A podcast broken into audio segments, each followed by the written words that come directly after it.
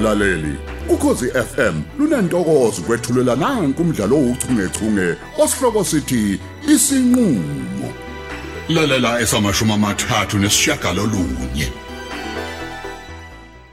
Oh, please. Come in Mr Mzolo.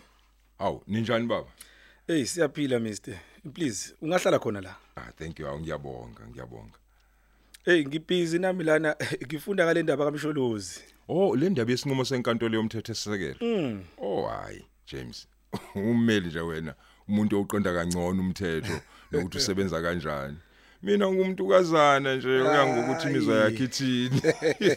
Ngiyakutshela. Hayi. Phela thina sazilutho ngeinto zomthetho.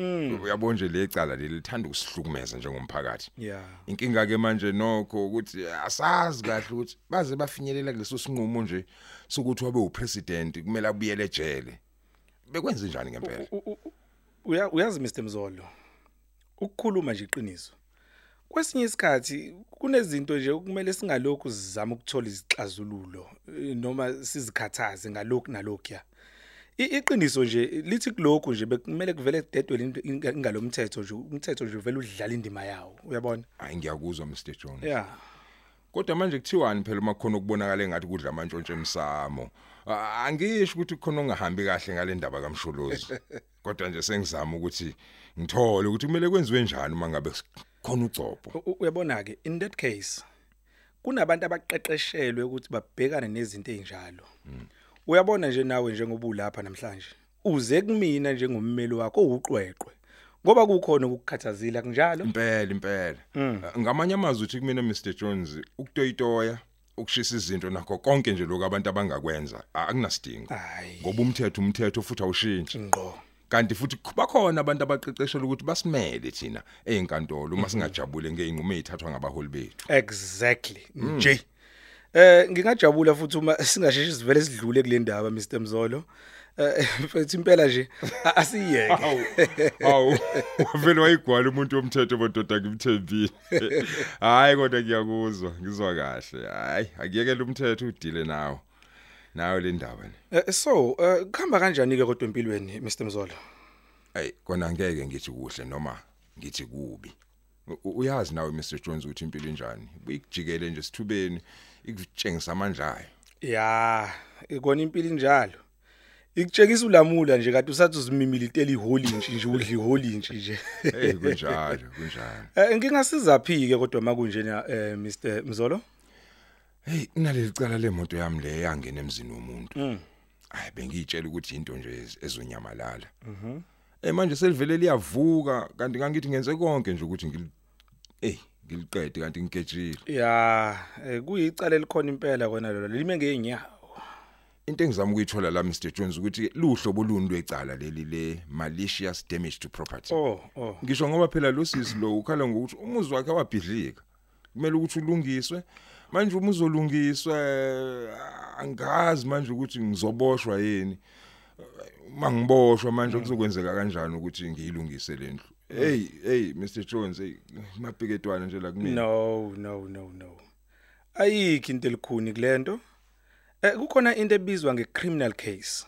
Eh nokuyicala elikwazi ukuthi likugwebe noma ingasiphi isigwebo eh esingakhishwa imantshi noma yijaji. Hmm. Bese kuba khona i-civil matter. Eh, Le ngicabanga ukuthi ke indaba yakho wena incike kuyona i-civil matter. Yona ke isho ukuthi inkantolo iyakwazi ukuphoqelela wena owonile wabhidliza umuzi ukuthi ukhokhe izindleko zonke zokubhidliza umuzi wakhe lo mama osisi. Oh umazondo. Oh yes yes. Um so kule case yakho Mr Mzolo bafuna ukuthi uzikhokhe zonke izindleko zokulungisa umuzi. Eh ngicabanga ukuthi sikucacelile ke manje kuthe ba.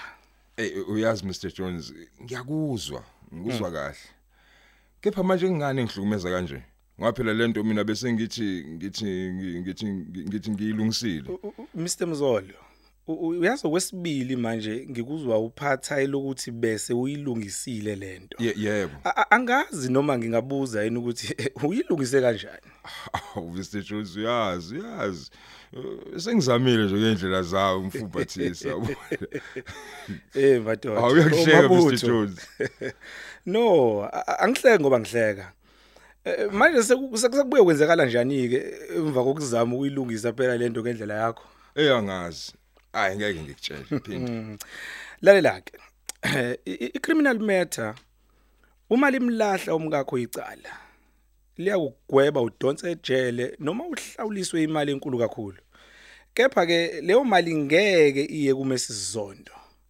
Kuzoba imali nje oyikhokhela inkantolo nje kube ukuphela. Hawu hayi ngiyakuzwa. Usho ukuthi ngeke kumsize ngalutho ukuboshwa komngami ah uyabona ke uyibambe kahle kakhulu ke lapho ngeke kumsize ngalutho kwasampela. Eh ngaphandle ke nje uma efuna ukuzwisa ubuhlungu bokuthi mhlambe nje uyovalelwa noma efuna nje uvele ukukudicilisela phansi igama lakho nje hayi ayikwazi ukwenzeka leyo nto Mr Jones lutho. Ukhona ndoda? Kuzomela ubone ukuthi wenze njani. E- empeleni nje uqinisekise ukuthi icala elifana naleli liphelela ngaphandle. Um Mr Mzolo icala ovulelwe lona la elemmalicious damage to property. Uma sizondo ufuna kulungisa umuzi wakhe nje kwaphela? Ya ne lembuli ngubo lingeke. Basho njalo kabazi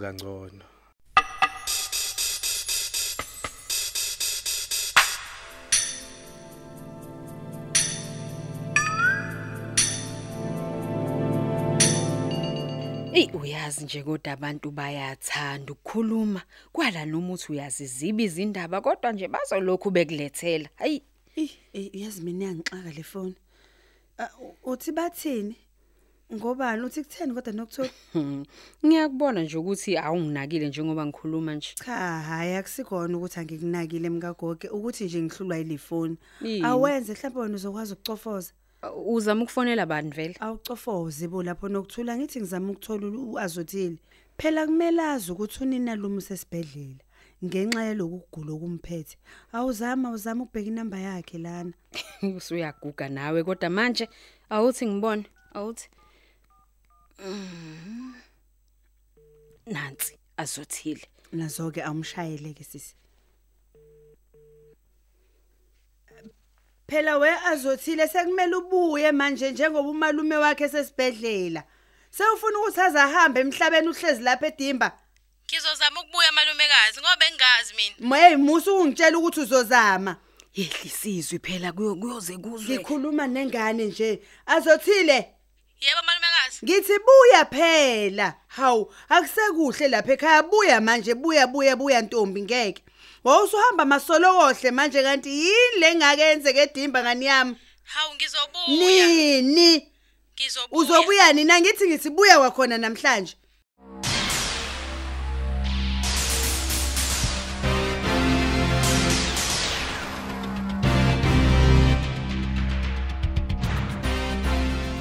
Baba, kunjani baby ngiright ukuphi khona?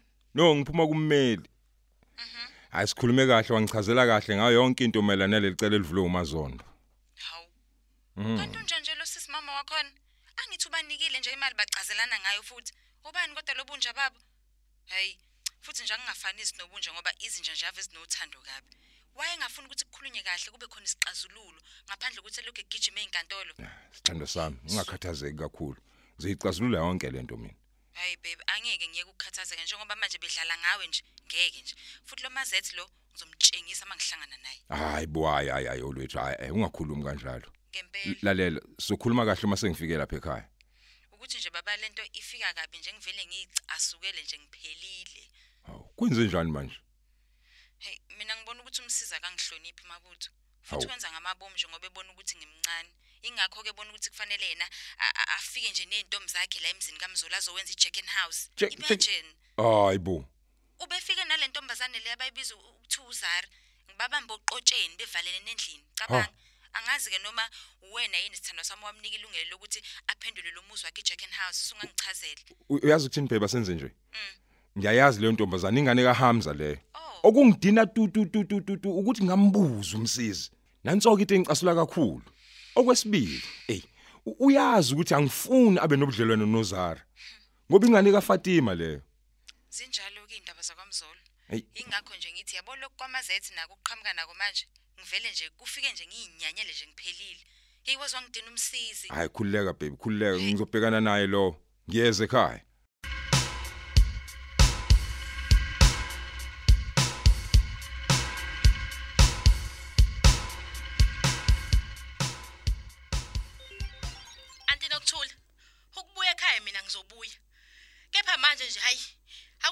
Kahle uma nginizwa nikhuluma nithi mina engagulisa umalume Cha we azothile. Kungamanga yini ukuthi wena waphuma lapha ekhaya udonswe ngeindlebe ngendaba yase Top Hills. Kungamanga yini we azo? ngani yami kuhle nje ukwamukela ukuthi nawe unomthelelo wokuthi ubaba bekulesima kusona Nje. manje nalamankwahla amqinisa kangaka nje kungenxa yakho Yebo. hayi cha malumekazi mina ngivumi mina nje angenze lutho Angithi phela umntungwa ugula kakhulu nje kungenxa yakho. hayibo kenzeni mina manje malumekazi habe habe habe nangu azothile bo. Uphakamisela banizwi uphakamisela banizwi ukhuluma angiqondile ukuphakamisa izwi malumekazi uqonda kwenzani Yithi ke u- u- utshelwe yimina wengane yami. Ngiyakweluleka ke. Kumele ungalinge ukhohle ukuthi lo malume wakho osumenza Ehhe. ukuthi u- a- abulawa amankwahla nje. Ehhe, Hey we azothile. Yakukhulisa le ndoda. Hey, ngiyakwazi lokho anti kepha nje futhi akulo iqiniso ukuthi imbangela yokugula kamalume mina. Mina ngakhuluma nomalume mayana ukuzofuna isikole. Wadonswa ngezindlebe azothile. Ninjalo nina izingane zamanje ke anifuni ukuzwa, anethembekile. Umuntu nje akazi nokuthi niphila hlobo luni lwempilo njengoba wenza nje. ngicela ubuye wengane ngoba ngeke mina ngifelwe indoda ngenxa yobuhlangandlebe bakho uyangizwa? Hayibo bengicela ukubuza anti nokuthula ukhuluma ngani manje uma usukhuluma ngohlobo lwini lempilo engiyiphilayo? Ay angazi lapho ke kodwa nje engikushoyo mina ukuthi isihlahla kasinyelwa wengane kaMlamuli. Isigebengu e- e- esuyihle sakulahla. E, Unawe manje usufuna mina ngithi buya uze ekhaya ngani yami buya nje buya. Ngithi buya manje. Ukhuluma nobani manje ngoba phela selivaliwe ucingo manxele? Mameshane phela mina ang- angizwa. kungcono u- ukuba ngikiyekile waqhubeka mngani wami awumeke wena kusuthini ke manje uma usuphatha empilo ephilo azothile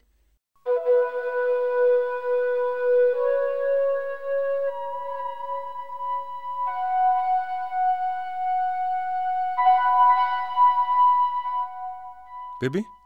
Babes. Musukhala olwethu. Talk to me, baby. ukuthi nje you don't understand mabutho I- Ingakho phela ngithi kuwena sokhuluma kahle uma sengilapha ekhaya. Okwamanje beyithi angikutshelwe nje ukuthi ngihambe kanjani kummeli isithando sami. mhlawumbe bhebe umuntu ongadingeki kulo muzi mina uboni kanjalo Usho ukuthini umuntu mhlamba udingeki?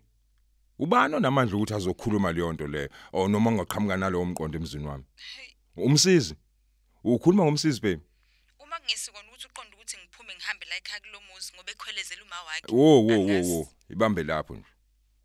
Ngiyakutshela kubhlungu kabi ukuba yi-step mother ngoba iy'ngane zendoda zikuzonda ngisho ungenzanga lutho Awu, nasi angazi nje simanga. ukuthi yini engiyenze kumsizi mina njengoba engitshengisa ngokusobala nje ukuthi angimzali and akangifuni Ngicela ungize kahle sithando sami, mngame ngimthandayo. Akho umuntu ozosahlukanisa thina nawe sizwana. Ngikuthanda ngenhliziyo yami yonke. Ngicela ungamnaki umsizi. angeke ngingamnaki baby ngoba ngiyabona ukuthi impilo yami isengozini lana ikakhulukazi-ke nale ntombi yakhe nje etshengisa indelelo enkulu kabi ngendlela exaka ukwenza mabutho mina ngikhathele Sithando sami thula, thula ngisendleleni, ungakhathazeki.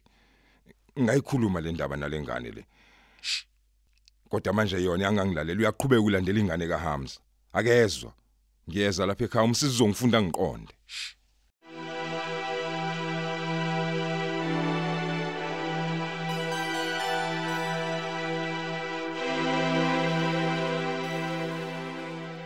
Ngeke kodwa manxele. Uyabona nje lento eyenziwa uazothile? Ayifani naye. Avala ucinge kubeni isikhuluma naye sibadala simzala manxele. Ngayisho kodwa lento mngani wami wangangilalela ke wena. hayi kusobala ukuthi ayimphathanga kahle indlela esikhulume ngayo. Ngeyiphi enye indlela ke Awuboni. besizokhuluma ngayo? Ngoba kuyiqiniso lokho besimtshela kona nje. Cha mina yazi ngibona ukuthi elimphatha kabi kakhulu kakhulu ileli lokuthi ubaba uphethwe amankwahla nje. Kungenxa yakhe. Ngicabanga ukuthi lokho kuhlabe kwaphukela kuyena. Wenza iphutha kumesho njalo ngoba phela akusikona lokho. Hayi kodwa nathi sisuke sagxile ekuthini nje umntungu njena nje kungenxa yokuya kwakhe le Topper Hills. Kwasho ubaba wathi se Topper Hills. Noma ngabe ke kodwa akufikanga kahle endlebeni zakhe kepha ngiboni kuyinto enhle ukuthi avala ucingo sesakhuluma naye. Ehe, hey mngagoge phela inhliziyo ayiphakelwa kwezinye izikhathi. Kungenzeka ukuthi indlela esikhulume ngayo naye hayi kona kona ayibingehle kahle. engingacishe ngikubone kuyimbangela yokuthi avale ucingo nje ilombuzo lo engimbuze wona ekugcineni ubuthini lo mbuzo uzwile nje engibuza ukuthi ngisho ukuthini uma ngithi akaqondakali ngempilo ayiphilayo ah uyakhumbula ukuthi kade ngikhuluma nawe ngendaba yokukhuluma kwabantu ngesikhathi uzama ukuthola inamba yakhe? Ehe ngibona ukuthi uyabona ukuthi kukhona engikusolayo nomphakathi walapha emaqhosheni uyawusola umqhakazo ayi uyazi ke nokuthula hayi sengiyadideka manje. Kahle kahle ukhuluma ngani manje? Ingabe kusengigula kababa noma mhlawumbe usukhuluma ngenye into? Umqhakazo wani ngempela manje lokhuluma ngawo? Usho ukuthi wena amanxele nje awuboni lutho. Olufana nani nokuthula? Hayi, awuthule mfazi kagogo kuyoze kuthiwa usuthe wathi. Ake ngihambe nami ngihlalele ibhodwe. ukuthi phela nkosi yami izinto ziningi ey angizinaki mina nokuthula We mame. nginaka nje lokho kuphambi kwami futhi uma kuhlangene nami ngale kwalokho hayi angizigaxe futhi angixhuma indawo Hayi ukuthi ngoba ngithi nginaka indaba zika azothile na. na kuzazi zonke nje angithi ngixoxelwa wena akusikhona ukuzinaka lokho Hayi angihambe ntombi. Uphela kanjalo ke umdlalo wethu ouchungechunge osihloko sithi isinqulo olethelwa ukhozi FM